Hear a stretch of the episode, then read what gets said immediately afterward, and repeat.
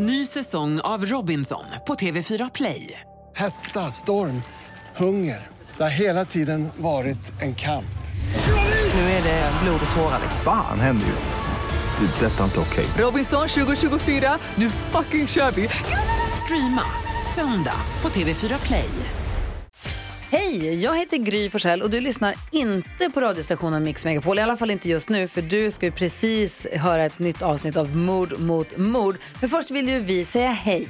Hej, hej, det här är NyhetsJonas. Det här är Carolina Widerström. Och här är Gullige Dansken. Ja, och så Gry då, då. Det vi vill säga är att när du har lyssnat klart på den här podden, då får du gärna lyssna på våran. Vi spelar in ett nytt avsnitt varje morgon av våra podd Kvartsamtal.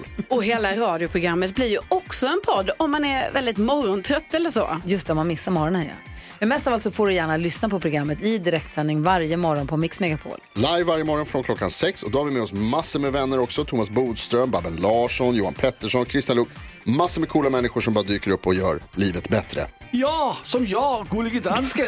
Exakt så. Och så mycket bra musik och annat skoj såklart. Så vi hörs när du vaknar på Mix Megapol. Podplay. Alltså man lyfter fram hennes arbete med blod, med du vet den här kroppens relation till marken eller jorden. Och även hennes liksom, fascination för religionen santeria som ibland förekommer i hennes konst. Och man får det lite grann, man antyder typ att du vet hennes död var liksom nästan som något slags konstverk. Typ. Men gud. Och det är så upprörande. Ja. Det är så hemskt att hennes typ så vänner och familj, hennes, mamma, hennes föräldrar ska behöva typ sitta där och lyssna på den skiten liksom.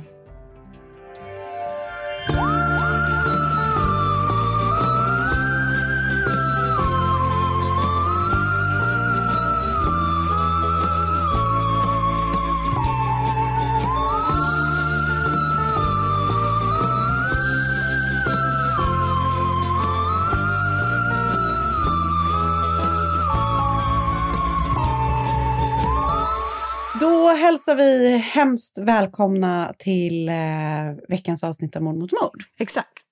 Förra veckan fick ni som inte var med oss på riktigt i Lund vara med oss i Lund. Och jag hoppas att ni alla gillade det.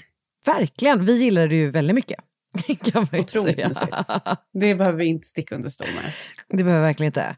Det var ju eh, det var verkligen en jätte, jättemysig kväll. Och det kändes som att det var så här det var liksom lite som att man bara gick och gjorde en grej med sina kompisar på ett härligt sätt. Förstår du vad jag menar? Ja, alltså att annars när vi typ har varit så här, när man är så här, det har ju varit otroligt att göra de här Skala teater, Lisebergs teater, du vet de här stora teatrarna, det har ju känts helt sjukt. Men här var det mer som att man bara, Ja. nu går vi och sätter oss i det här vardagsrummet och pratar lite och ser lite, alltså så. Ja, men lite så. Ja, det var Eh, jättemysigt. Det var trevligt. Mm. Det var underbart. Och jag måste säga också vilket vad, vad otroligt eh, fint biblioteket var. Bibliotek är ju ofta det. Ja, men alltså, jag har ju sett min fair share av bibliotek, men jag inser att det är sådana så här universitetsbibliotek och de är ju fan trötta alltså, om, man- Ja, jämför med det här det. fina. Jag ska ju vara ärlig med att jag här- har ju aldrig varit på, ett universitetsbibliotek. Nej, Alltså det finns ju som vissa som är finare än andra, men det är ju typ så här, Det är verkligen så lässalar. ja, jättetrist, Mm. bänkar. Eh, Har man tur så kanske det är på något sånt, en sån Bruno Mattsson flätad Just sadeljordsstol typ. Och så här. Men jag skulle säga att, eh, för jag har ju då inte varit på några universitetsbibliotek, men däremot Nej. väldigt många såna här, den här typen av bibliotek, stadsbibliotek, i väldigt många olika svenska städer. Eftersom när vi, som jag sa till dig, att när vi, typ, när vi reste med Sally, när Marcus var ute och turnerade på hösten, så vill man kanske inte Ja. alltid vara med typ en ettåring eh, utomhus, framförallt inte en ettåring som inte går, som hon inte gjorde. Eh, Typ aldrig. Så, nej, exakt. Men så vi, ehm, då har vi varit jätte, jättemycket på olika bibliotek. Och det är nästan kul. alltid liksom toppen, verkligen. Mm. Ehm, Ja, men det gläder mig. Det känns som att jag har fått, eh, inför nästa mammaledighet så har jag liksom Mm. eh, en helt ny värld att upptäcka. Eh, vilket är då Verkligen. bokens värld eh, på, genom biblioteken. Så det ser jag fram Gud emot. vad härligt. Det blir Mm. en podd. När du upptäcker bokens värld på biblioteket. Jag ska bara läsa så barndeckare för, för min framtida son på biblioteket. Åh, din framtida son. Nu blir jag pirrig. Eh, annars då? Mm, nej, jag vet inte. Eh, jag såg, eh, det, jag fick upp i, mitt, eh, i min feed att eh, det var någon som påpekade i vår grupp, Facebookgrupp att eh, de, de längtade tills jag ska säga vårens första dag. Eller Ja. sjunga vårens första dag. Ja, jag vet. det jag också. Det. Ja, Så var det en person som ska, jag tror att det kanske var igår i Stockholm. det var det, Det var inte. det inte, för det var, Det var typ så sju inte. minusgrader. Alltså Ja. det, förlåt, det är inte vår i februari. Ni får ge er till tåls kanske i alla fall en månad till. Alltså jag eh, var ute på promenad i Stockholm igår och sa till den jag gick på promenad med att så här, det känns som att vi är i fjällen. Det var liksom Det var extremt, det var, alltså, jo, men det var så härligt, krispigt liksom, sånt väder, Mm. men det var ju iskallt. Alltså Det var ingen vårkänsla. iskallt. Och sen så kom ju snön, så du hade ju rätt. Mm. Ja. Eh, så vi är inte där än, men jag såg den posten Nu, med och fick också ett litet sånt eh, bass i hjärtat. Att här, snart kommer Anna, eh, som ju är den som bestämmer när det blir vår, Ja, ja. eh, liksom precis. ge sig till känna. ja. Eh, men jag är ledsen att säga det. Det Inte. är inte vår i februari. Det är Nej. för tidigt. Alltså, vi får faktiskt ge det lite tag till.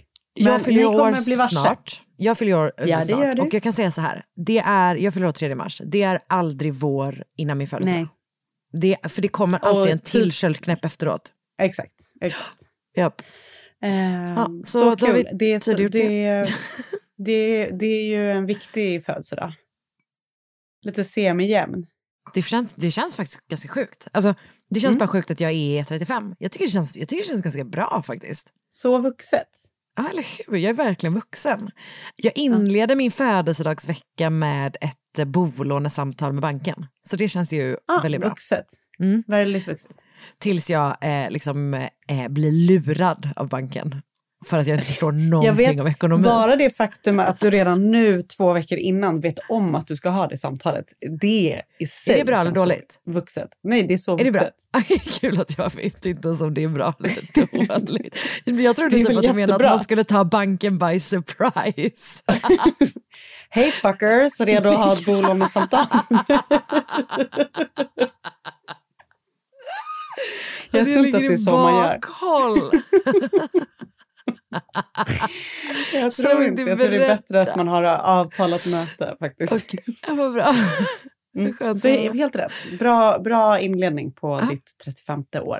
Eller Tack snälla. 36 år. Oj, nej det tyckte jag inte om. Nej, men jag blir sånt där gör mig själv förvirrad. Så jag vet, inte, Det är som jag vet inte ens om jag sa det. 21st century, ingen aning. Oj, det var, Eh. jag gjorde, försökte göra mig själv smartare än vad jag är. Men vi, bara, Men det, vi vi, vidare. har, vi vi får anledning att återkomma till din födelsedag, för det är några veckor kvar. Eh, ja, verkligen. Absolut. Ja. Men du, ehm, Ja. hur mår du? Jag mår jättebra. Jag mår superbra. härligt. Det gläder mig. Har du, har du sett någonting? Hört någonting? Du, På stan? Ja, ja, den här, eh, eh, hur, går, hur går den här låten? Na, na, na, na, du, du, du, du. Hon är stan. Jag tycker det är. Nej, jag har ingen aning, men jag gillar den så mycket. Det, det är Danny. Ehm, För vet du vad jag hade gissat annars att det var? Alltså det, var liksom en, det låter väldigt mycket som en Orup-låt. Så att, men Danny Ja, men kanske är vad- vår tids Orup. Nej, men vet du vad jag tror nu när jag sa att det var en Danny-låt? Jag tror att det är en eh, Tommy Nilsson-låt från Så mycket bättre. Så mycket bättre. Jag förstår. Ja. Jag förstår. Passus, eh, eller passus, bispår. Eh, nej, jag har inte sett något. Jag har haft så mycket aktivitet den här helgen så jag har inte suttit en sekund framför tvn. Tråkigt. Så sjukt Eller? tråkigt. Alla er, alla er som jag träffat i helgen, tyvärr, det sög. Ja, Jag skojar. Nej, längtade men det var hela tiden till tv. Eh, jag har haft en jätterolig helg, men det har varit Ja. väldigt eh, lite tv-tittande. Mm, jag förstår. Jag eller typ inte ens... poddlyssnande eller så. Jag har ehm, varit i en sån period som jag tror att jag kanske nämnt innan som jag gör med tv-tittandet. Att man, när man är lite så upp, i upprörd period i, i sitt känsloliv så måste man liksom lyssna, Ja. kolla på saker som är Lugna, fina känns saker. trygga typ. Liksom. Mm. Ja, eller, eller typ dumma som man kan gå in i bara. Eh, Men nu, jag har ju också mm, verkligen haft ett, liksom, ett beteende av att titta om saker. Och nu har jag li- haft lite sån poddlyssnande faktiskt. Att jag har lyssnat Okej. om eh, British Scandal-avsnitt typ. För det är egentligen, mysigt. det är jag, bara, jag känner så här, bara, det är den enda podden jag vill lyssna på just nu. Och det har inte kommit några nya, så vad ska jag göra? Då går jag tillbaka och lyssnar på dem. Helt rätt. Eh, och det har, eh, de håller för en andra lyssning kan jag säga till er som har lyssnat. Härligt. Eh, ja, så det, det är det enda jag kan, jag kan påminna om den underbara podden British Scandal. Men du, ska vi göra den här underbara podden? Det gör vi. Ja, och bra. vi kör igång! Ses vi på andra sidan. Ny säsong av Robinson på TV4 Play. Hetta, storm, hunger. Det har hela tiden varit en kamp. Nu är det blod och tårar. Fan händer just nu. Det. är Detta är inte okej. Robinson 2024, nu fucking kör vi! Streama söndag på TV4 Play. Ett poddtips från Podplay. I fallen jag aldrig glömmer djupdyker Hasse Aro i arbetet bakom några av Sveriges mest uppseendeväckande brottsutredningar. Går vi in med hemlig telefonavlyssning och, och då upplever vi att vi får en total förändring av hans beteende. Vad är det som händer nu? Vem är det som läcker? Och så säger han att jag är kriminell, jag har varit kriminell i hela mitt liv men att mörda ett barn, där går min gräns. Nya säsongen av Fallen jag aldrig glömmer på Podplay.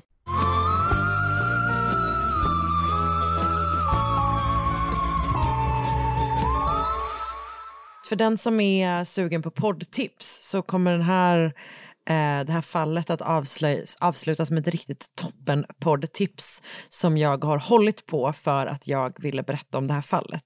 Och Åh, spännande. eh, man kommer liksom kunna, absolut kunna lyssna på den superomfattande poddserien även efter att man har hört min korta lilla sammanfattning av det här fallet.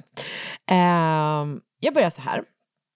Anna Mendieta föddes den 18 november 1948 i Havanna på Kuba och växte upp i en framstående kubansk släkt som hade både ekonomiska och politiska liksom, framgångar i bagaget. Och det var ju inte nödvändigtvis en bra grej när det blev oroligt på Kuba och revolutionärerna tog makten. Eh, då hamnade man ju lite grann på motsatt sida mot de som hade makten, Castro och gänget. Så 1961 när Anna var 12 år gammal skickades hon och hennes tre år äldre syster Jacqueline till USA. Och det gjorde de då som en del av den så kallade Operation Peter Pan under vilken 14 000 minderåriga kubanska barn utan sina föräldrar liksom fick lämna Kuba och placerades på olika platser i USA. Så det var en sån jättestor liksom, insats typ. Eh, och Anna och Racklin hade i alla fall varandra när de liksom lämnade. Det fanns någon skrivelse om att de var tvungna att vara tillsammans på något sätt. Eh, men den första tiden i USA blev ändå väldigt tuff. De flyttades runt mellan olika flyktingläger, barnhem och fosterhem under två års tid. Eh, men 1966 då så kunde systrarna återförenas med sin mamma Raquel och bror Ignacio. För då kom också de till USA. Pappa Ignacio Alberto såg familjen först 1979 då han släpptes från fängelse där han hade placerats på grund av sin inblandning i den misslyckade Grisbuktsinvasionen som ju då var liksom ett amerikanskt backat försök att typ trycka tillbaka Fidel Castros Mm. armé. Liksom. Så han greps på något sätt i samband med det. Eh, och satt så sen inne då sen 79. När pappa Ignacio kom till USA så var Anna sedan länge liksom väldigt så rotad i landet. Familjen bodde i Iowa där Anna både lärde sig engelska mer eller mindre från grunden, hon kunde nästan ingenting när hon kom dit, men också upptäckte sin kärlek för konst. För när hon då går på University of Iowa så studerar hon bland annat måleri och även någon slags genreöverskridande konstlinje. Eh, och hon kommer då under sin karriär att ägna sig åt bland annat foto, video, skulptur och performance. Så att hon, hon har liksom en ganska bred, eh, en blandad palett liksom. Um, och hon men det, det, som är, det finns verkligen typ genomgående saker i hennes konst. Alltså hon har teman som hon jobbar med. Och eh, hennes konst är ofta liksom väldigt brutal. Hon jobbar eh, ganska ofta med blod, eh, liksom på något, på olika sätt. Och Okej. eh, den här konsten höll på med berörde också ganska ofta typ mäns våld mot kvinnor och sådär. Så under hennes tid på universitetet så hade eh, en kvinna våldtagits och mördats på liksom, campus. Och i hennes konst så gjorde hon typ upp med omvärldens reaktioner på den händelsen. Eller liksom, i hennes ögon då kanske eh, för, liksom, inte tillräckliga reak- reaktioner. Typ. Nej. Eh, så i en, en av hennes första filminstallationer som heter Moffitt Building Peace, den är gjord hon 1973, så hade hon hällt blod på gatan utanför hennes lägenhet och liksom fångar med sin kamera hur de som passerar reagerar eller oftast då inte reagerar på den här scenen typ. Ja. Hon använder också ofta sin egen kropp i sin konst. Alltså hon agerar själv liksom något slags allmängiltigt kvinnligt offer kanske man kan säga. Eh, bland annat i Mhm. verket eh, med, som heter, som hade titeln då, Rape Scene, också från 73. Eh, en annan väldigt uppmärksammad projekt där hennes kropp var en del av konsten var den så kallade Silhouetta Series och eh, det är typ den, det är en serie som hon håller på med jättelänge, alltså från typ så 73 till 85 eller någonting så följer den här liksom, serien henne i hennes jobb. Eh, det är en serie bland annat fotografier men också filmer där hon typ skapar kvinnliga silhuetter eh, i olika Alltså, på olika sätt egentligen. Ibland så är det liksom bilder där hon, hennes egen kropp är typ i kroppen, liksom den kvinnliga, kvinnliga kroppen. Eh, Mm. Men ibland så kanske hon typ så eh, ristar in någonting i eh, jord. Eller, alltså hon gör liksom, eh, hon jobbar med den kvinnliga siluettens eh, i förhållande till jorden på typ många olika sätt. Liksom. Eh, och siluetterna blir som en del av det här landskapet som liksom omger den. Typ. Som sagt, den här följer då henne från 73 till 85 men den ursprungliga idén så får, får hon i Mexiko där hon bland annat inspirerad av den mexikanska ursprungsbefolkningens kulturriter och även typ fornlämningar från den tiden. Och som sagt, i hennes konst så kommer hon då ofta att undersöka kroppens relation till marken. Eh, Det finns, det heter något typ så, earth body movement, alltså du vet någon sång, det är liksom någon slags eh, strömning som hon typ är en del av eh, också. Ja. Liksom. Och hon är typ en så här, jätte, liksom, spännande person. Hon är väldigt självklar, väldigt kompromisslös eh, och om jag ska vara extremt basic så verkar hon typ vara svincool, verkligen. Ehm, och folk runt henne gillar henne för att hon var så väldigt rolig, alltså hon var väldigt så intensiv typ, hon var väldigt mycket. Men hon kunde också vara ganska bråkig och backade absolut inte för en diskussion. Och de som tyckte om henne tyckte att det var någonting liksom kul och härligt, eller åtminstone, alltså, du vet så. Medan folk som, men det gjorde inte att, eh, det skapade inte bara vänner om man säger. Så i slutet av 70-talet så flyttar Anna till New York och blir en del av den avantgardistiska konstscenen där. Eh, och hon blir en del av galleriet Artists in Residence som kallas AIR. Och det är det första galleriet i USA för utslutande kvinnliga konstnärer. Och det här galleriet är liksom med och går i fronten för den tidens så här feministiska rörelse inom konstvärlden.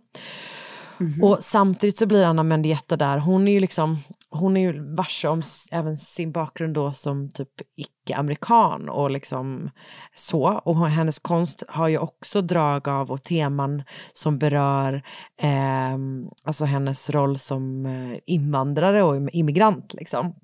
Mm. Ehm, och hon blir då liksom varse på den här scenen om att den feministiska rörelsen kanske inte heller var så inkluderande alla gånger, utan hon säger själv då American, American feminism as it stands is basically a white middle class movement, typ.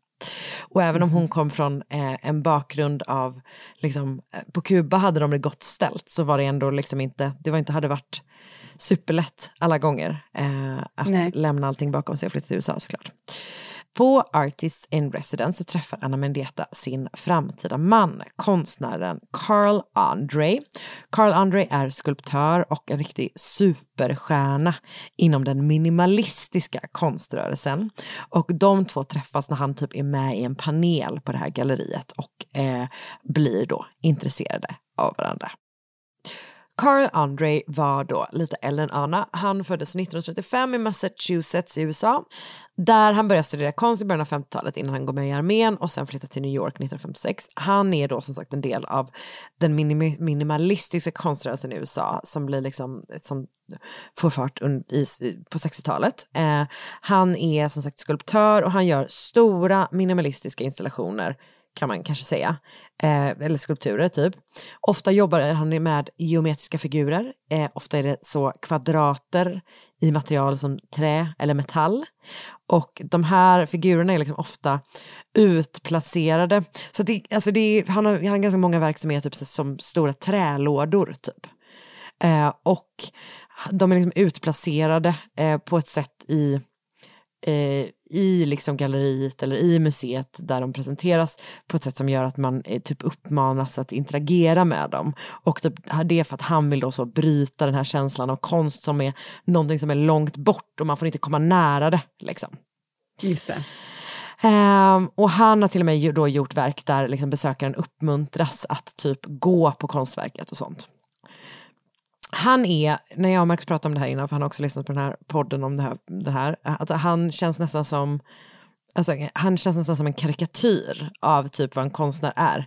Eh, eller framförallt vad en modern konstnär är. Eh, alltså det ja. känns som att man bara, de måste typ ha baserat det på honom lite grann. Alltså, för att alltså, han är då en, eh, Alltså du vet han alltid, går alltid runt i så overall typ. Eh, och är extremt framgångsrik och extremt liksom rik. Och han typ så mm. ställer ut lite lådor på ett golv och säger typ så, platsen är konstverket. Alltså så. Eh, men jag, jag har bara sett bilder på hans verk och måste säga typ att så här, Eh, alltså, blev, man blev väldigt sugen på att liksom uppleva dem för att det, bara på bild så fick man ändå känslan av att så här, att det hade någonting, typ.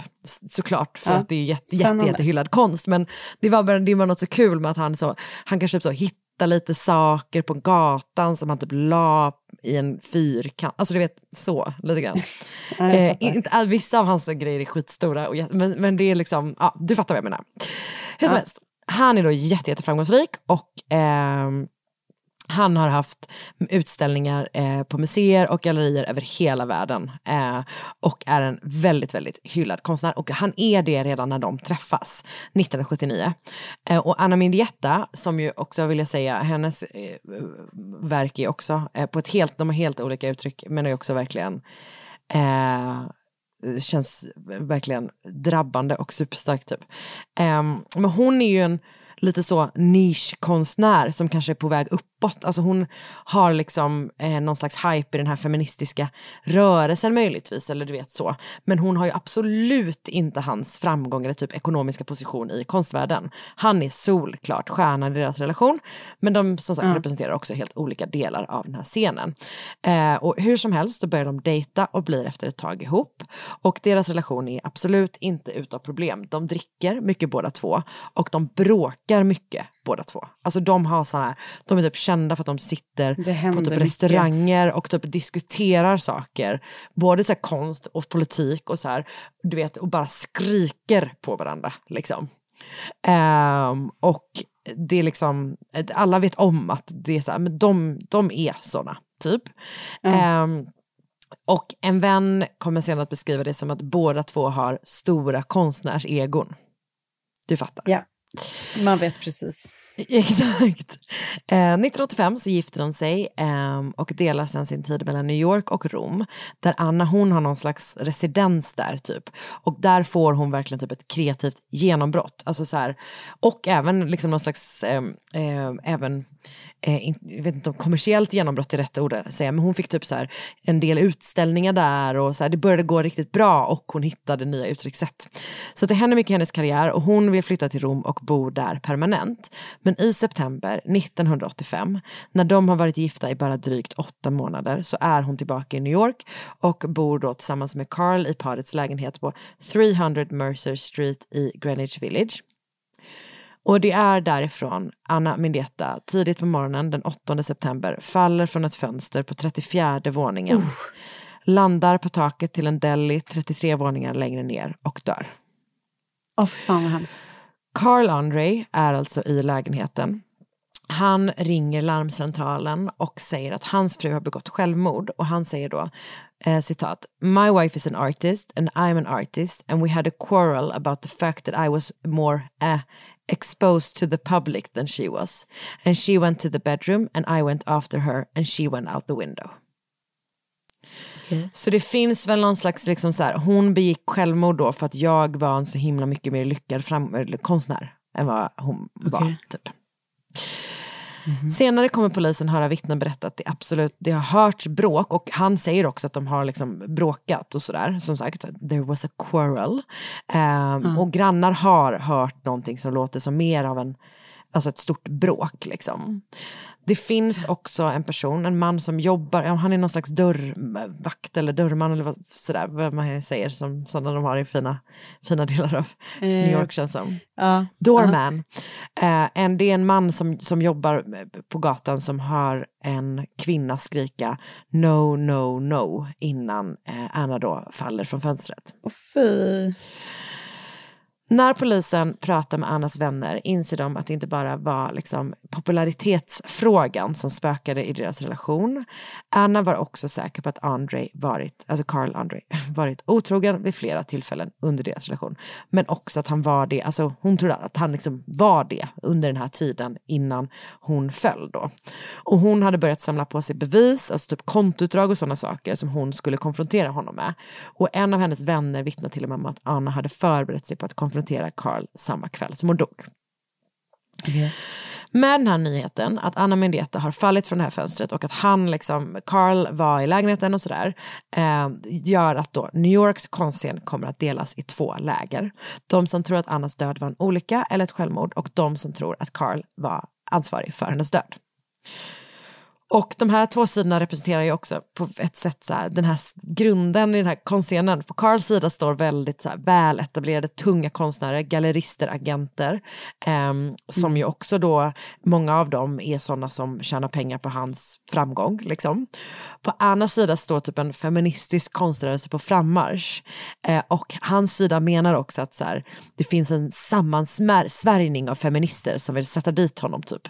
Men man skulle ju lika gärna, det verkar inte ha en in, någon insikt om att det också då finns en sammansvärjning på andra sidan som eh, inte vill sätta, alltså du vet vill hålla emot. Typ. Ja. Det verkar de inte ha Ja. så mycket insikt i. Ehm, grejen är att hans sida har ju tillgång till både media och till pengar och eh, får ju, har ju mycket större liksom, makt än vad den andra sidan har. Men det är som att Anna får som ett sånt litet, alltså ett litet lag typ. Som liksom Mm. står upp för henne i, eh, i döden liksom. Karls historia kommer att ändras eh, över tid i förhör från vad han först säger om självmord i det här larmsamtalet. Han säger vid något tillfälle att han helt enkelt inte liksom minns vad som hände eftersom båda två har druckit rejält och det hittas också mycket typ vinflaskor och så i lägenheten och det är stökigt där liksom. Försvaret kommer senare hävda att Anna antingen dog i en olycka, att det var varmt i lägenheten och att hon försökte öppna ett fönster och föll ut, eller att hon begick självmord. Folk som var nära henne då tror inte på någon av de teorierna.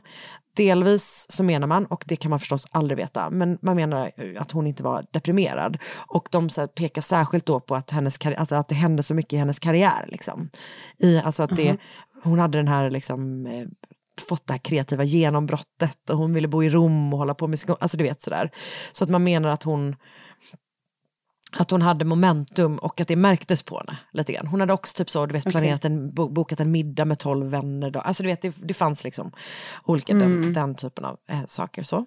De tror inte heller på den här teorin för att Anna Mendieta är extremt höjdrädd.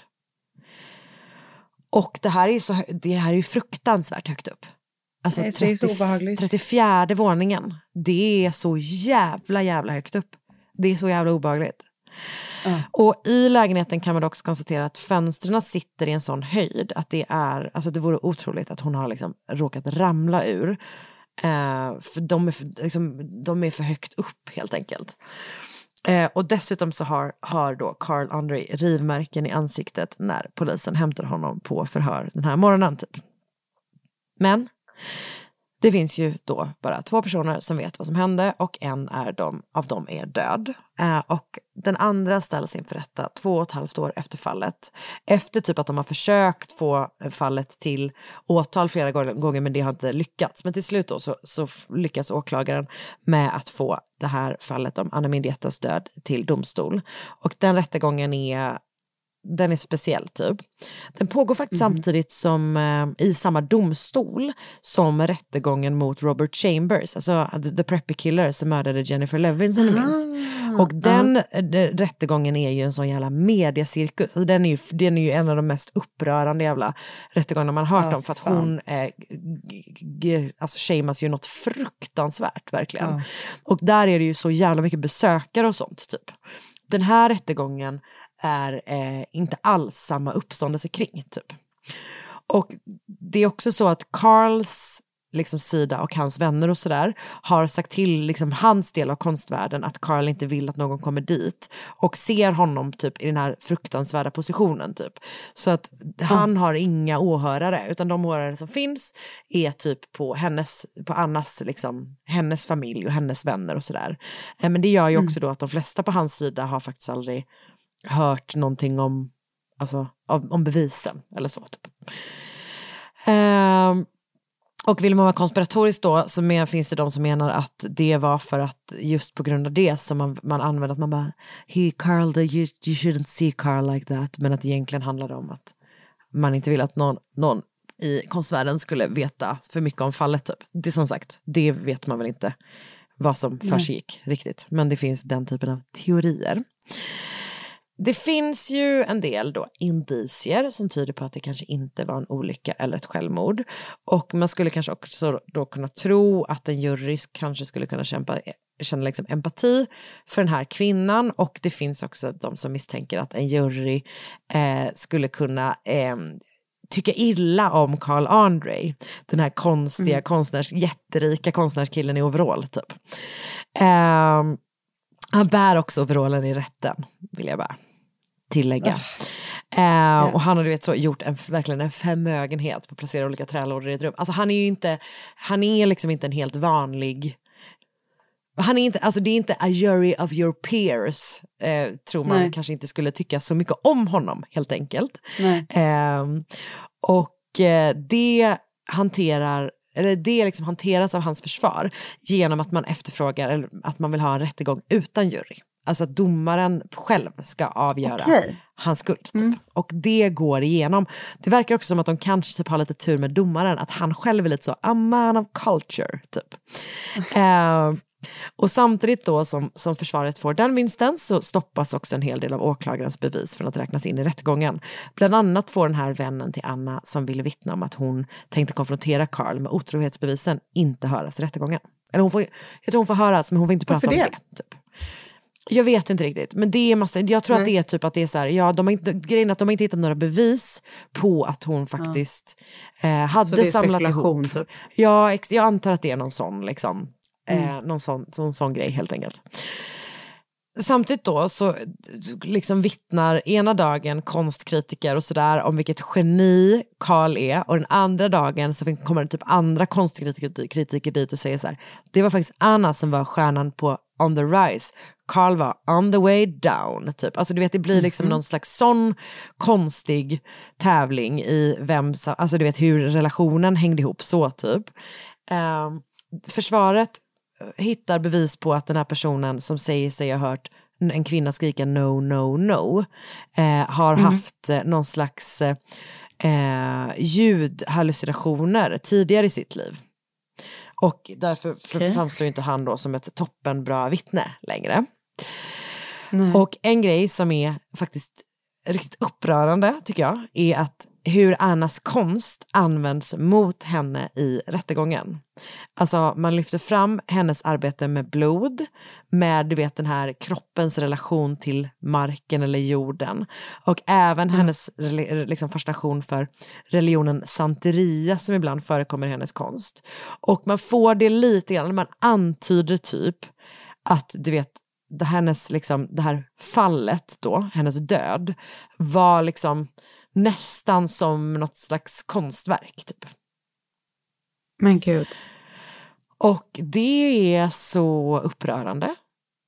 Alltså Mm. att liksom eh, göra ammunition av hennes konstnärliga uttryck och ta sig den typen av friheter mot ett fall som oavsett om hon mördades eller eh, begick självmord eller Nej, nej. föll så är det liksom så här, vad, vad fan typ. Det är av en, man har hört många upprörande. upprörande saker om, som har sagts i rättegångar, inte minst i Jennifer Levins eh, rättegång som då pågår samtidigt. Men det här är också fan up there, verkligen. Det är så hemskt att hennes typ så vänner och familj, hennes, mam, hennes föräldrar ska behöva typ sitta där och lyssna på den skiten liksom. Det är så hemskt. Men försvarets taktik funkar och i februari 1988 så frias Carl Andre och kan fortsätta, alltså helt liksom, och kan fortsätta leva ett enormt framgångsrikt konstnärsliv och som sedan dess bara helt enkelt har fortsatt ta honom till världens liksom, finaste rum för konst. 2016 var han till exempel en del av utställningen, eh, en utställning på Moderna Museet här i Stockholm. Ehm, och konstvärlden bestämde sig nog för att sluta prata om att Carl André varit misstänkt och åtalad för sin delaktighet i Anna Mendietas död. Och till viss del så finns det, eller åtminstone fanns det de som menade att man också slutade prata om Anna Mendieta. Men det har också, typ från, jag tror första gången är typ så 92 och det händer fortfarande, så är det att folk i samband med att Carl André hyllas eller typ får stora utställningar eller så, att det liksom genomförs protester. Att det finns du vet, demonstranter som står med plakat där det står “Where is Anna Mindietta?” utanför gallerierna. Och de, här, och de senaste åren har det blivit allt vanligare och fått allt större uppmärksamhet. Så feministiska konstnärer och konstnärsgrupper som har inspirerats av henne har liksom tagit stort utrymme för att typ påminna om Anna Mindietta i rum där Car Andre hyllas. Typ. Så han fick till exempel en stor utställning på museet DIA 2015. Och du vet en sån hel, en sån när man går igenom en hel karriär typ. Och då var det bland annat en konstnärs, en konstnärsgrupp som typ protesterade, alltså de var som gråterskor typ. Alltså de gick typ in i galleriet Okej. och bara och liksom grät ljudligt typ som en protest typ. Och sen gjorde de så här silhuettas liksom i typ snön utanför museet. Så det har liksom varit, man har hittat, man har hittat sätt att typ använda hans uppmärksamhet för att liksom få henne, alltså att använda hans rum för att också uppmärksamma henne eh, på ett sätt som blir typ ja, konst i sig självt. Liksom. Och med metoo-rörelsen och de diskussioner som har följt på hösten 2017 har de här protesterna bara växt och den här diskussionen om så här, att skilja på konst på verk och person, vilket är en självklarhet vad jag förstår i åtminstone stora delar av konstvärlden, att det är så här, nej nej, alltså jag kan jag tycka, du vet, jag kan tycka, jag kan tro att han var skyldig till det här men ändå tycka att han gör jättebra konst. Typ. Ja, bra. Ah, ja, Eh, okej. mm. Alltså den diskussionen har kommit upp till ytan ännu mer. Liksom. Um, men inte nog då med att folk använder Karls konst för att påminna om Anna. Hennes egen konst har också fått allt större utrymme och erkännande. Två och ett halvt år efter hennes död så fick hon sin första egna utställning och nu kan man se Anna Mindietta-verk på konstmuseer över hela världen. Du vet, hon, man undervisar om henne på universitet och hon inspirerar unga, eh, liksom undra, andra unga konst, eh, konstnärer. Ehm, och vill man se eh, Anna Mindiettas konst kan man bland annat göra det på Guggenheim eller The Met i New York men också på Tate i London eller Centre Pompidou i Paris. Hon har också faktiskt vid flertalet tillfällen ställts ut i Sverige, eh, bland annat även hon på Moderna Museet. Men senaste gången var 2017 när Bildmuseet i Umeå hade alltså en hel utställning med henne typ. Wow. Ehm, och det var då historien om Anna Mindietta. Ehm, och jag har då framförallt som sagt lyssnat på den här podcastserien som är jättebra och som heter Death of an Artist. Och den är typ en, hon som gör den är em, liksom kurat, alltså hon är curator på, på, eller har varit det på något museum så att hon, och hennes grundfråga är utöver att hon då, ingången är typ så här, kan jag eh, tro att, här, att han kan ha be- begått det här och ändå uppskatta hans konst så mycket som jag har gjort genom hela mitt liv typ, och hela min karriär. Och då så här, Mm. om jag ska kunna svara på den frågan så måste jag försöka ta reda på vad det var som hände. Typ så är ingången. Liksom. Ja, spännande. Den är jättebra tycker jag. Eh, och väldigt intressant och lyfter liksom intressanta frågor. Death of an Artist heter den. Jag har också läst Rear Window, The Mystery of the Carl Andre Case på The Village Voice av Jan Hoffman. Den artikeln är från 88, så den är gammal. Anna Mendietas biografi på The Heroin Collective. Jag har också läst Anna Mendieta, Death of an Artist Foretold in Blood av Sean O'Hagan för The Guardian. Och sen har jag också läst ett gäng olika wikisidor om bland annat Anna Mendieta och om Carl Andre. Men som sagt, alltså den här podden är väldigt liksom heltäckande och berättar bådas bakgrund och Mm. väldigt mycket om fallet och vad som hände sen typ. Så jag kan verkligen eh, rekommendera. Hemskt. Ja, men eh, tack Karin. Ännu en gång så tar jag oss till eh, New York och gärna typ lite så eh, kulturens New York. Eh, det kanske är för att det är den världen som du aspire to enter. Gud, alltså fy fan, jag kan inte Stressen. tänka mig någonting värre. än att vara typ så, du vet, minimalistisk konstscen i New York. Oh, vilken stress. Alltså klassisk stress. Åh, jag, alltså, jag blir ju livrädd för konst i allmänhet, höll jag på att säga. Nej, men jag, jag får ju ja, stress och press. Alltså. Nej, nej. Tack, det är bra tack. Ja, men tack eh, för ett väldigt spännande fall. Ny säsong av Robinson på TV4 Play. Hetta, storm, hunger. Det har hela tiden varit en kamp. Nu är det blod och tårar. Fan händer just nu. Det. är Detta är inte okej. Robinson 2024, nu fucking kör vi! Streama söndag på TV4 Play. Ett poddtips från Podplay. I fallen jag aldrig glömmer djupdyker Hasse Aro i arbetet bakom några av Sveriges mest uppseendeväckande brottsutredningar. Går vi in med hemlig telefonavlyssning och, och då upplever vi att vi får en total förändring av hans beteende. Vad är det som händer nu? Vem är det som läcker? Och så säger han att jag är kriminell, jag har varit kriminell i hela mitt liv men att mörda ett barn, där går min gräns. Nya säsongen av Fallen jag aldrig glömmer på Podplay.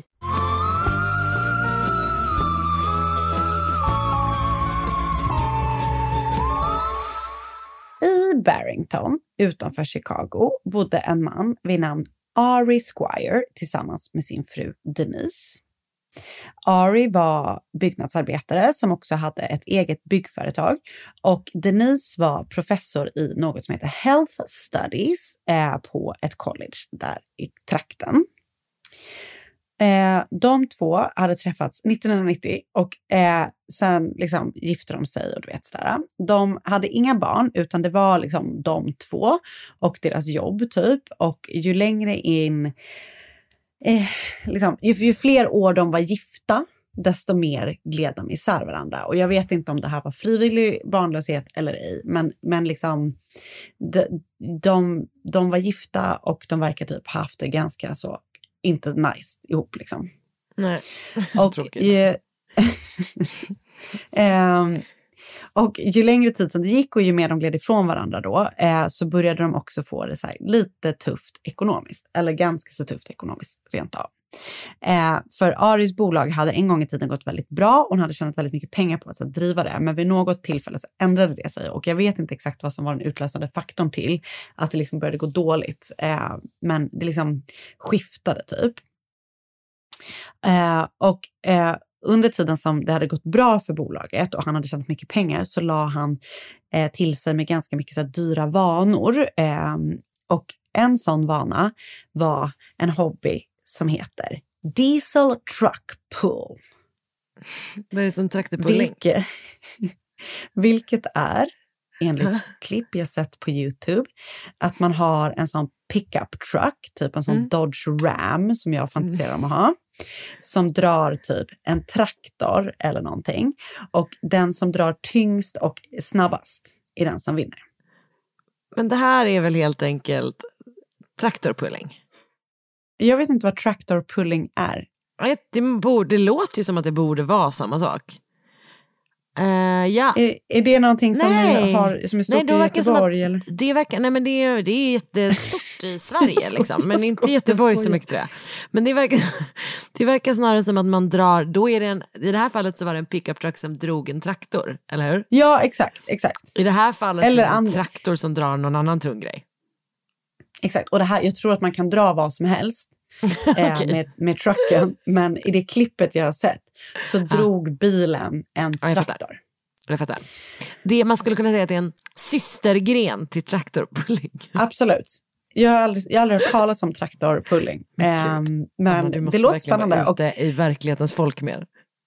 Ja, och först tänkte jag så här, fan vad trist det låter. Och sen så bara tänkte jag så här, alltså gud, jag hade säkert kunnat bli så hooked av att kolla på det här på tv. Givet att jag, typ, jag och min syster kollade på gymnastik-OS i typ fem timmar. Så roligt. Ehm, ja. Vi kanske ska gå Ehm, på traktorpulling. Du, och vet du vad jag också skulle vilja gå på? Som faktiskt, det här, och det här är faktiskt från genuint Gymnastik-OS? Att jag typ skulle vilja gå på någon sån eh, monster truck-grej. Eh, det kan jag berätta för dig att det har jag gjort.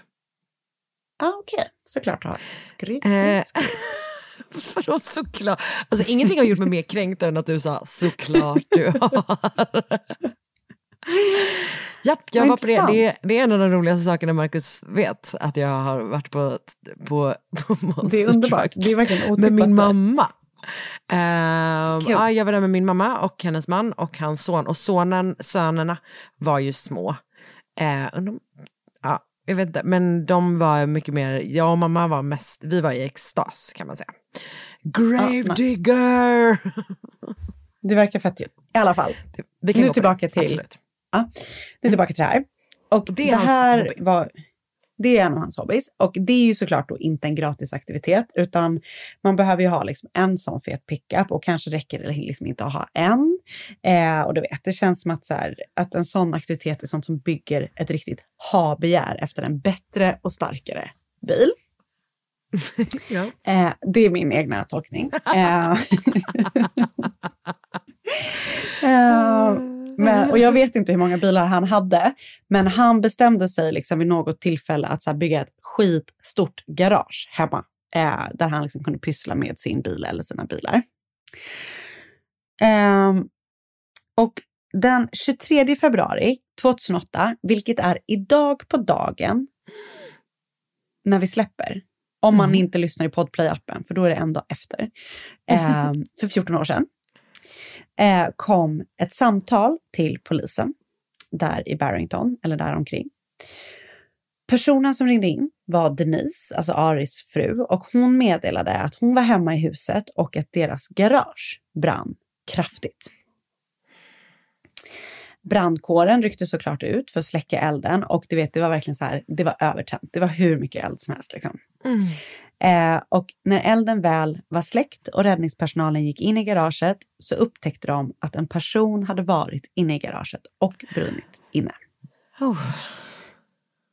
Under en av Aris då, eller den enda han hade, som sagt jag vet fortfarande inte hur många bilar han hade, jättestora trucks, så hittade räddningspersonalen en manskropp som liksom var klämd under bilen och sen helt eh, brännskadad. Liksom.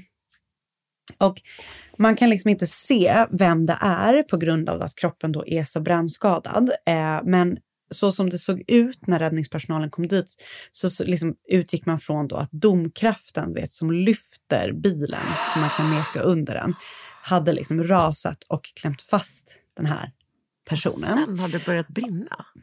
Och sen har det då börjat brinna. För, och den här liksom klämskadan har dödat personen. Ah, okej. Och sen har det då det tragiska hänt efter att det börjat brinna. Och det verkar ha varit någon slags här bensin eller dieselläcka som har antänts med hjälp av typ en lampa av något slag.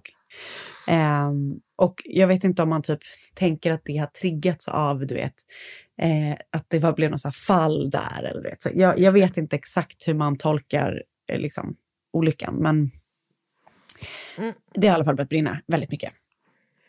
Och givet att det då var i Aris garage och givet det faktum att han typ alltid var där inne och pysslade med bilen eller bilarna så utgick man från att det var Ari såklart.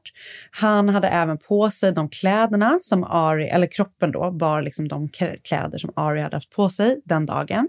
Och eh, han hade typ eh, hans lägg eller något annat så identifikationskort på sig. Mm. Eh, men det räcker ju såklart inte, utan polisen vill ju ändå ha liksom mer för att verkligen bekräfta att det var Ari såklart. Och eh, givet att det då var, kroppen var så brännskadad så kunde de inte lyfta fingeravtryck från kroppen. Och av någon anledning, och jag vet inte riktigt om det här stämmer, eh, men, de, men de har problem med att få liksom tillräckliga DNA-prover. Och jag vet inte om det är för att de inte har någonting från Ari att matcha mot. För att jag menar, kroppen eh, har de ju där. Liksom. Mm. Men, men de kan i alla fall liksom inte bara kop, vet, testa kroppens DNA mot Aris DNA av någon anledning. Eh, men tänderna är fortfarande i ett sådant skick att de kan användas för att identifiera kroppen. Där stöter de bara på ett litet problem och det är det faktum då att Ari inte varit hos tandläkaren på mer än ett decennium. Men vad fan? Och, uh, och när de väl lokaliserar tandläkaren så har hen liksom inga röntgenbilder.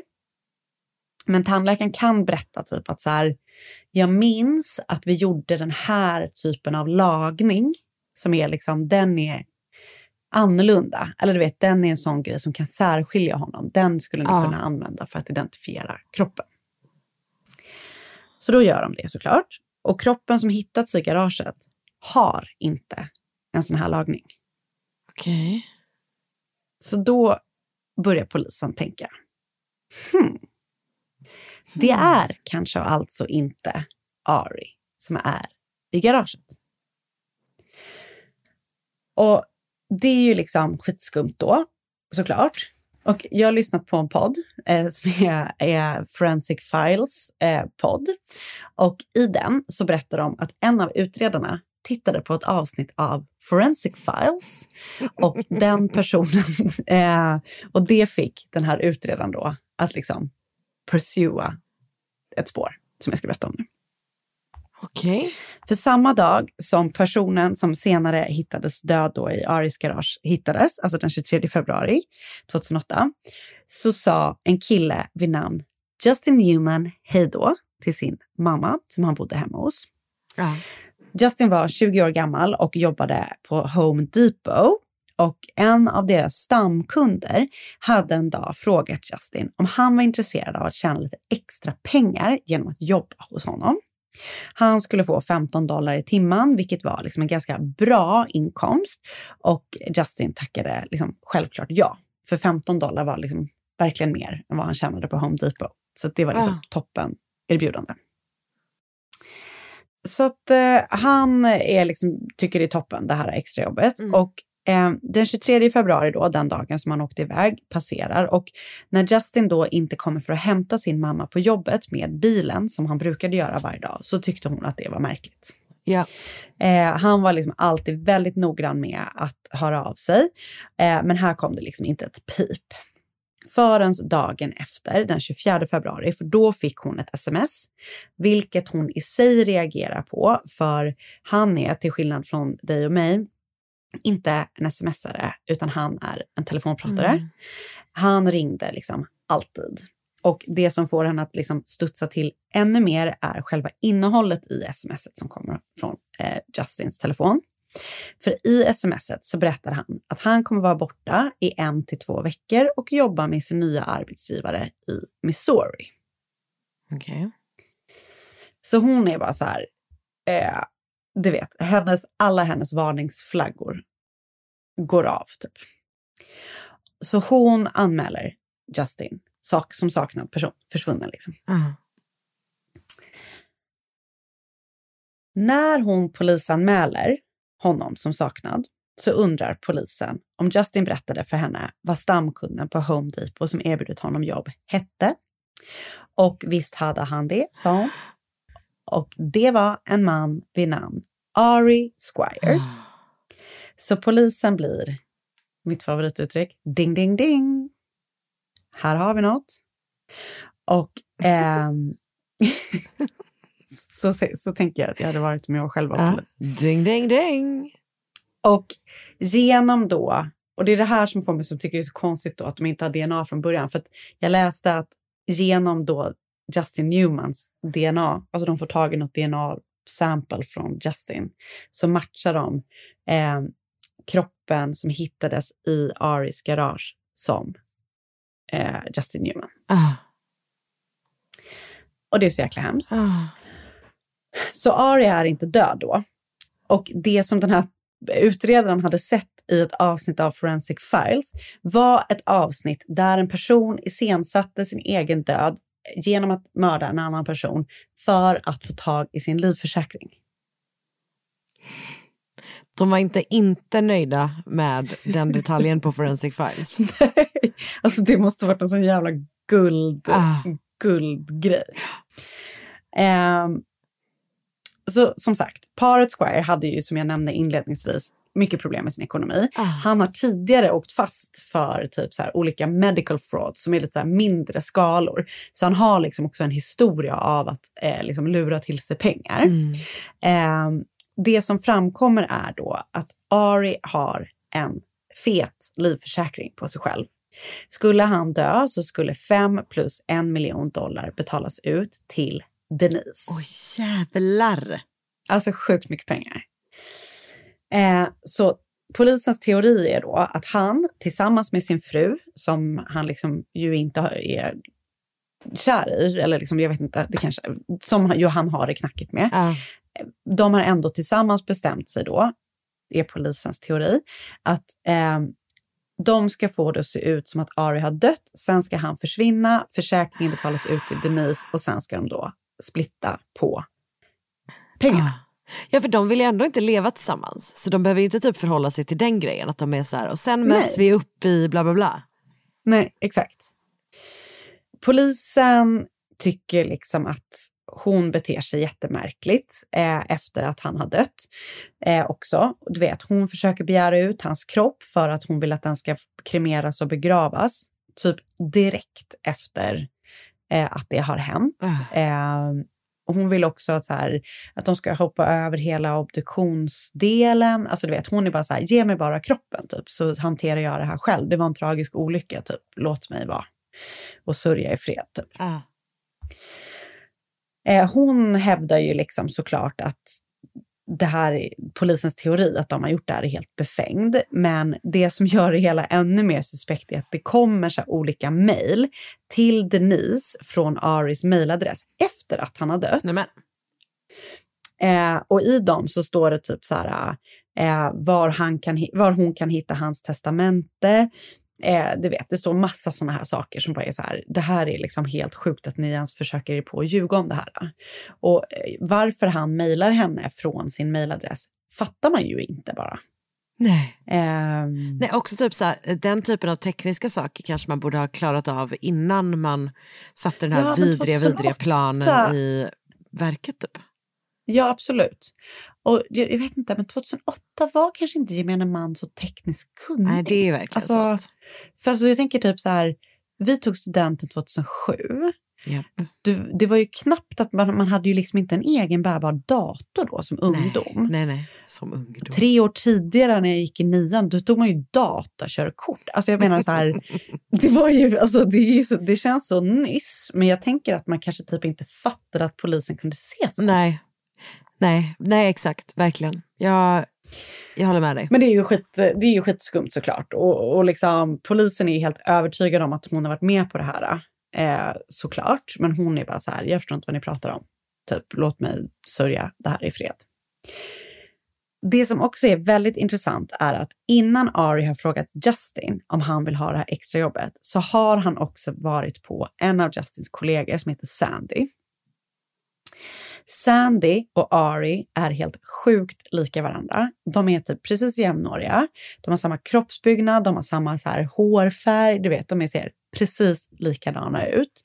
Precis innan Ari då liksom har iscensatt det här, den här olyckan så har han också börjat odla skägg, precis som Sandy har. Ah. Ehm, han har då eh, approachat Sandy på Home Depot också och frågat om han skulle vara intresserad av att jobba extra för honom.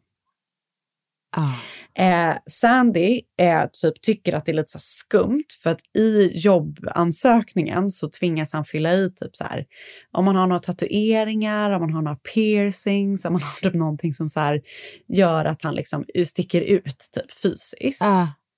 Men givet att han skulle få så bra betalt, han skulle få typ så här, alltså jättemycket pengar för att göra typ ett ganska enkelt jobb, så är det typ att han bara, men det är väl klart att jag gör det, jag är väl inte dum, typ så. När den här dagen kommer då, som Sandy ska jobba för, eh, jobba in, inom sådana här jättestora eh, quotes eh, för Ari, så blir ett av Sandys barn sjukt. Så han får alltså ringa och säga att han måste vabba till Ari. Han kan alltså inte komma för att utföra det här jobbet som de har kommit överens om. Och då tar då Ari kontakt istället med Justin Ah. som är liksom hälften så gammal som honom. Eh, de är typ lika långa eh, och typ lite lika kroppsbyggnad men i övrigt är helt olika. Ah. Liksom. Så himla hemskt. Ah, fruktansvärt. Ja, det är så vidrigt. Ehm, men så polisen är typ så här, uh, vi, vi måste ju hitta Ari. Liksom. Denise ger oss ingenting, vi måste försöka, liksom, vad har vi att gå på? De bestämmer sig så här, vi måste försöka hitta Justins bil. För den är liksom inte i huset hemma hos The Squires. Så att de tänker att han antagligen tagit Justins bil efter att han mördat honom och sen flytt i väntan då på att livförsäkringen ska utbetalas. Och sen tänker de att när Ari då hade smsat eh, Justins mamma från Justins telefon och sagt att han skulle vara borta så hade han ju sagt att han skulle vara i Missouri. Så då är polisen så här, "Ja, men det här är det närmsta ett lead vi kan komma. Så de liksom eh, börjar eftersöka Justins bil runt om i Missouri. Och eh, en dryg vecka efter att Justin hittats mördad så hittar de också Justins bil på en parkering till ett motell i Eureka i Missouri. Så polisen kommer såklart dit och frågar om en viss Ari Squire bor på motellet. Och efter lite fram och tillbaka med den personen som jobbar i receptionen så kommer de fram till att det är ett rum som är bokat och, och betalt i Justins, ehm, Justins namn och betalt med hans kreditkort. Eh, men när polisen visar upp en bild på Ari så bekräftar personalen att det är mannen som bor i rummet. Eh, och polisen gör sig redo då för att gå in och gripa honom och de tar sig in i rummet. Men när de väl kommer in så har Ari, som förstått att han blivit påkommen, redan tagit sitt liv. Och det sker liksom precis typ i samband med att Ah. polisen kommer dit. Eh, Denise har aldrig blivit åtalad eller dömd för något som är kopplat till Justin eller då Aris dödsfall eller liksom hennes involvering i det här äh, tilltänkta försäkringsbedrägeriet. Eller mordet som är ju liksom såklart ännu större grej. Ehm, däremot så stämde Justins mamma och bror henne för Justins död eller för sån wrongful death. Och de tilldelades 6 miljoner dollar efter det här, vilket är då samma summa som ehm, Försäkringen, ja. försäkringen skulle varit. Och det är såklart en föga tröst när man förlorat sin son eller bror. Ehm, men ändå så fick de typ rätt i det. Denise fick aldrig tillgång till Aris livförsäkring och hon lever liksom något liv som man inte har så bra eh, koll på fortfarande i Chicagos närområde. Det är så jävla hemskt. Vilka och det är verkligen, idioter. Ja, det är så jäkla hemskt. Alltså, åh.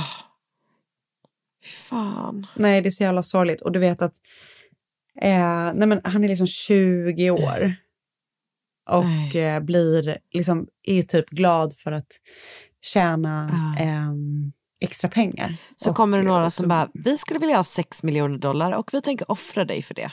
Ja, det är så jävla vidrigt. Så sjukt cyniskt, eh, Ah. cynisk syn på eh, människor. Nej, men det är bara så sorgligt. Eh, så det var mordet av Justin Newman. Tack. Jag har lyssnat på ett avsnitt som heter The Lying Game av podden Our True Crime Podcast.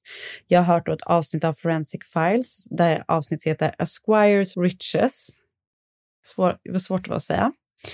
En artikel, jag läste en artikel på NBC Chicago som heter We Look Identical Almost, som är skriven av redaktionen där. Mm. Jag läste Dangerous Game of the, eh, the Murder of Justin Newman av Dina Glaub på Midwest Crime Files. Ett inlägg på Forensic Files Now som heter Ari Squire Insurance Fraud Fiasco. Och sen har jag läst Police. Man faked own death, then committed suicide på ABC7 Eyewitness Åh. Herregud. Så hemskt ju.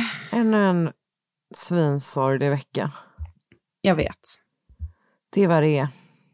Det är vad det är verkligen. Det är fruktansvärt. Men tack för att ni är med oss. Tack för att ni är med oss och vi hörs nästa vecka igen. Det gör vi. Ha det så bra. Hej då! Hej då! Podplay. Ny säsong av Robinson på TV4 Play. Hetta, storm, hunger. Det har hela tiden varit en kamp.